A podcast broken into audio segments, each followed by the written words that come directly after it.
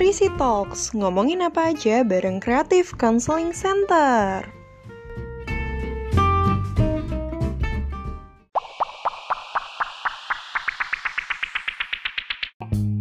Oke, balik lagi. Nah, sekarang nih kita mau ngomongin soal emosi. Sebenarnya kan emosi itu ada banyak ya.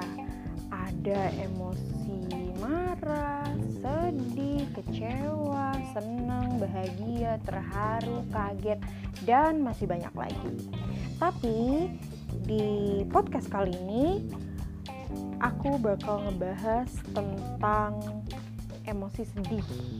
Ya, pasti banyak lah di antara kita gitu kan yang akhir-akhir ini lagi ngerasa sedih gitu sedih karena PSBB lagi.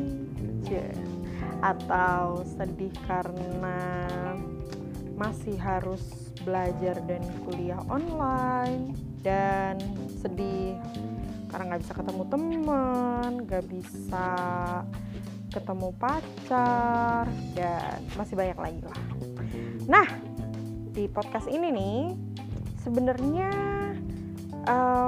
nggak um, ngebahas dari awal sih tapi aku mau ngejawab beberapa pertanyaan yang sering ditanyakan kalau aku lagi ngebahas soal emosi seda, uh, tentang sedih gitu.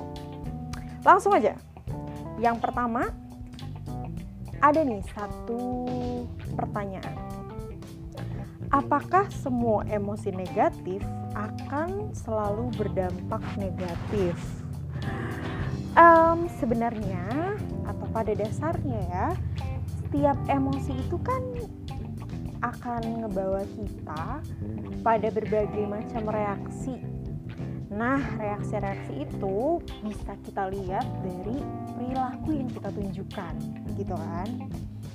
Setiap reaksi itu sebenarnya muncul tentu akan nimbulin dampak yang beda-beda, tergantung dari gimana kita bisa menerima dan menyikapi setiap emosi yang kita rasakan, gitu kan? Nah, masalahnya adalah kita bisa atau enggak nih mengolah emosi-emosi yang kita rasakan itu. Kalau kita bisa ngolah emosi-emosi itu dengan baik dan bisa ngendaliin diri setiap kali kita lagi ngerasain emosi tertentu, ya kita bisa meminimalisir dampak negatif yang mungkin aja terjadi. Contohnya, misalnya, pas kita lagi ngerasa sedih karena kita nggak bisa ketemu temen-temen karena kita nggak bisa ketemu pacar gara-gara PSBB lagi jadi semuanya harus um, ketemunya secara virtual atau online aja. Nah sebenarnya dari pengalaman itu kita ngerasa sedih kan? Tapi sebenarnya tuh kita punya uh, pilihan gitu. Pilihannya apa? Yang pertama kita bisa ngejadiin pengalaman itu justru sebagai apa ya kita mandangnya itu sebagai uh, hal yang positif gitu untuk ngejaga diri kita dan melatih perasaan-perasaan kangen cuy lah misalnya gitu gitu kan. Makanya akhirnya perilaku yang kita tunjukkan adalah ya pas kita lagi ngerasa sedih kayak gitu kita ngelihat aja dampak positifnya gitu kan atau kita melihat memandang itu dari segi positifnya. Oh iya kalau kayak gitu aku jadi bisa menahan um, apa mengolah gimana caranya supaya aku tuh bisa bersikap gitu. Tetap menjalankan uh, protokol kesehatan ya kan diminta di rumah aja di rumah aja gitu. Tapi tetap bisa menjalin komunikasi dengan baik sama orang-orang yang kita kangenin misalnya gitu. Nah itu pilihan pertama.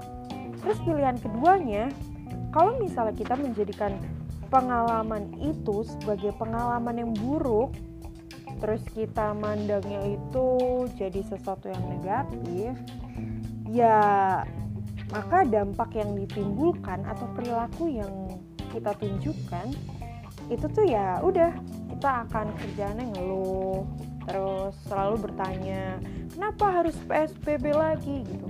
Kenapa aku masih harus ketemunya lewat virtual doang? dan lain sebagainya. Seperti itu. Jadi e, balik lagi gimana cara kita memandang dan menyikapi itu. Kalau kita bisa memandang secara positif maka perilaku yang akan kita tunjukkan juga positif tapi sebaliknya kalau misalnya kita memandang eh, pengalaman itu sebagai pengalaman yang negatif atau pengalaman buruk, ya perilaku kita juga mengikuti pandangan kita gitu, yang akhirnya berdampak negatif juga gitu. Terus, next ya, ngomongin soal nangis lagi. Ya iyalah ya, kan topik ini soal emosi sedih gitu atau menangis Apakah saya normal jika saya jarang menangis? Terus, kenapa sih nangis itu ngebuat seseorang jadi lebih lega? Um, pertama gini, pertama kita perlu tahu apa alasannya kita jarang nangis gitu. Kalau misalnya emang gak ada hal yang bikin kita harus nangis, ya nggak jadi masalah gitu kan. Kalau misalnya emang sesuatu itu mesti kita tidak terdorong untuk menangis atau tidak ada pengalaman sedih yang membuat kita menangis ya kenapa harus nangis gitu kan. Tapi kalau misalnya sebenarnya ada hal atau saat di mana kita tuh ngerasa pingin nangis tapi rasanya nggak bisa. Sehingga kita jadi jarang nangis karena menahan nangis gitu kan. Jadi intinya kita nggak pernah nangis gara-gara kita tuh nggak bisa soalnya kebanyakan nahan gitu nahan perasaan perasaan-perasaan sedih gitu. akhirnya kita jadi kebiasaan untuk nahan nangis. Nah itu yang perlu jadi perhatian. Terus um, kalau misalnya kita ngebahas soal kenapa nangis bikin seseorang lebih lega? Sebenarnya uh, kalau kita ngomongin soal emosi gitu kan. Dalam ya emosi yang bisa bikin nangis itu kan misalnya biasanya marah, kecewa, sedih gitu yang ditunjuk yang ditujukan dengan ekspresi menangis itu sebenarnya bisa diibaratin kayak air sungai sih. Soalnya ketika kita diterima keberadaannya misalnya si air sungai itu diterima keberadaannya oleh sungai uh, ya dia bakal ngalir sesuai dengan jalurnya gitu kan. Ngalir aja terus udah lewat gitu aja. Itu kalau air sungai itu ada di uh, sungai pada umumnya. Tapi uh, kalau misalnya air sungai itu terhalang sama batu, tersendat dan lain sebagainya, dia otomatis nggak bisa mengalir kan dan akan airnya tuh akan menampung di situ aja, tertampung di situ aja.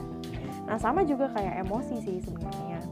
Kalau misalnya kita bisa menyalurkan emosi kita, ya udah kita akan merasa lebih tenang, nyaman, dan juga lega. Tapi kalau misalnya kita menolak emosi kita, ya itu kayak air yang terbendung tadi dia akan menetap terus habis itu ngumpul jadi satu makin banyak dan bisa aja itu mengendap gitu kan.